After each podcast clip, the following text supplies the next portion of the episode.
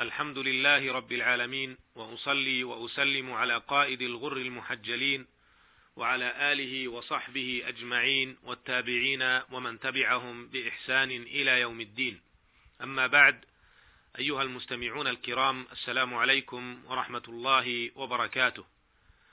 تحدثنا في الحلقة السابقة عما رواه الشيخان عن عائشة رضي الله عنها أنها قالت دخل عبد الرحمن بن أبي بكر الصديق رضي الله عنهما على النبي صلى الله عليه وسلم وأنا مسندته إلى صدري ومع عبد الرحمن سواك رطب يستن به فأبده رسول الله صلى الله عليه وسلم بصره فأخذت السواك فقضمته وطيبته ثم دفعته إلى النبي صلى الله عليه وسلم فاستن به.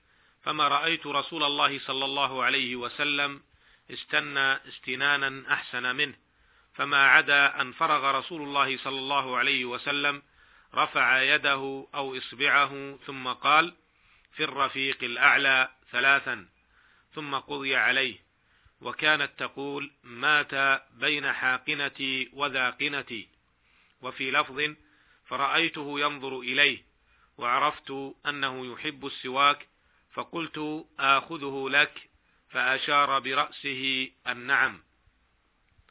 وقد عرفنا ما في هذا الحديث الجليل من فوائد جليلة وحكم عظيمة.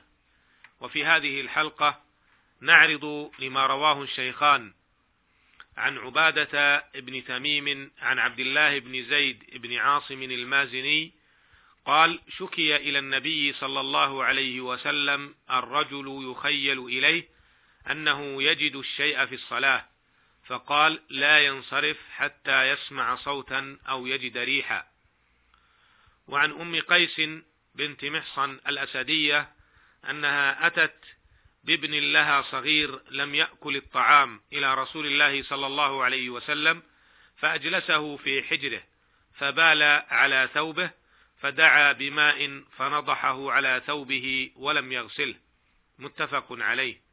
وفي رواية عن عائشة رضي الله عنها أن رسول الله صلى الله عليه وسلم أتي بصبي فبال على ثوبه فدعا بماء فأتبعه إياه ولمسلم فأتبعه بوله ولم يغسله.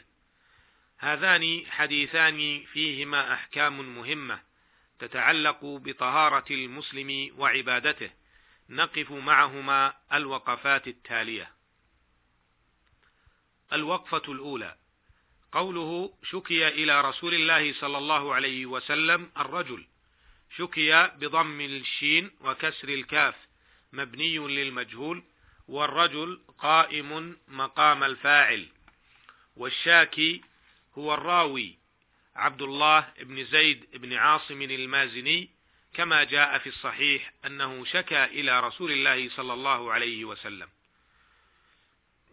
وقوله يخيل إليه أنه يجد الشيء في الصلاة.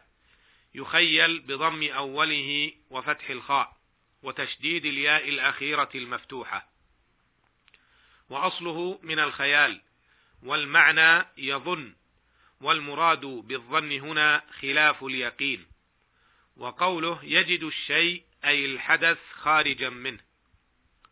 الوقفة الثانية يستنبط من الحديث قاعدة شرعية عظيمة تبنى عليها كثير من الأحكام العملية فيحسن, فيحسن بالمسلم أن يفهمها ويعي تطبيقها. تلكم هي أن الأصل بقاء الأشياء المتيقنة على حكمها فلا يعدل عنها لمجرد الشكوك والظنون سواء قويت تلك الشكوك أو ضعفت. ما دامت لم تصل إلى درجة اليقين.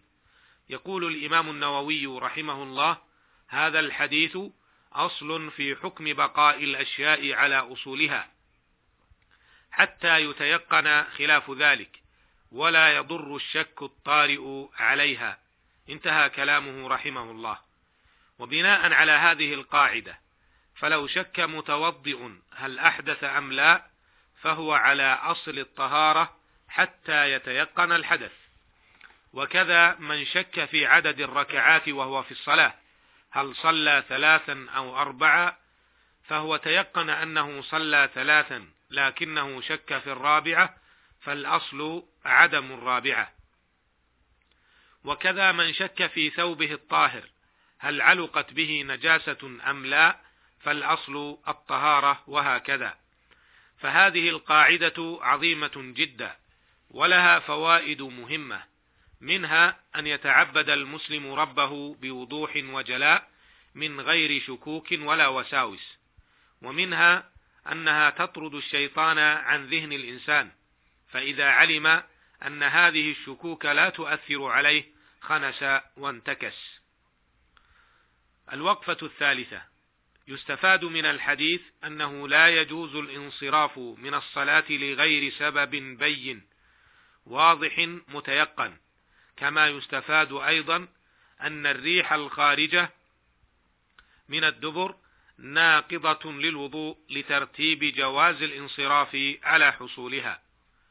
الوقفة الرابعة. يستنبط من الحديث أن المراد حصول اليقين، فلو حصل اليقين بنقض الوضوء ولو لم يسمع صوتا أو يشم ريحا، ينتقض وضوءه ما دام حصل له اليقين بذلك. الوقفة الخامسة مما يستفاد من حديث أم قيس بنت محصن الأسدية كريم خلق النبي صلى الله عليه وسلم حيث كان الصحابة رضي الله عنهم يأتون النبي صلى الله عليه وسلم بأطفالهم لينالوا بركته وبركة دعائه فكان صلى الله عليه وسلم يستقبلهم ويلاطفهم بالبشر والسماحة ويجلسهم في حجره الطاهر ولا يشمئز مما يحصل منهم من أذى ونحوه. فعلينا نحن المسلمين أن نقتدي به صلى الله عليه وسلم وأن نعامل الصغار معاملة خاصة فلا نتذمر من أفعالهم وتصرفاتهم. وإذا تبين منهم خطأ معين يصحح بطريقة مناسبة اتباعا لهدي المصطفى صلى الله عليه وسلم. الوقفة السادسة. يؤخذ من الحديث أيضا أن بول الغلام إذا أصاب ثوبا فإنه ينضح عليه الماء ولا يغسل. وهل يدل ذلك على طهارته أو نجاسته؟ جمهور أهل العلم أن بوله وإن كان الغلام لم يأكل الطعام نجس لكنه خفف تطهيره. هذا كله بالنسبة للغلام. أما بالنسبة للجارية فلا بد من الغسل لما روى أبو داود والنسائي عن أبي السمح رضي الله عنه أنه قال قال رسول الله صلى الله عليه وسلم يغسل من بول الجارية ويرش من بول الغلام صححه الحاكم. فعلم من هذا التفريق بين تطهير بول الغلام الذي لم يأكل الطعام وبين بول الجارية أكلت الطعام أم لا.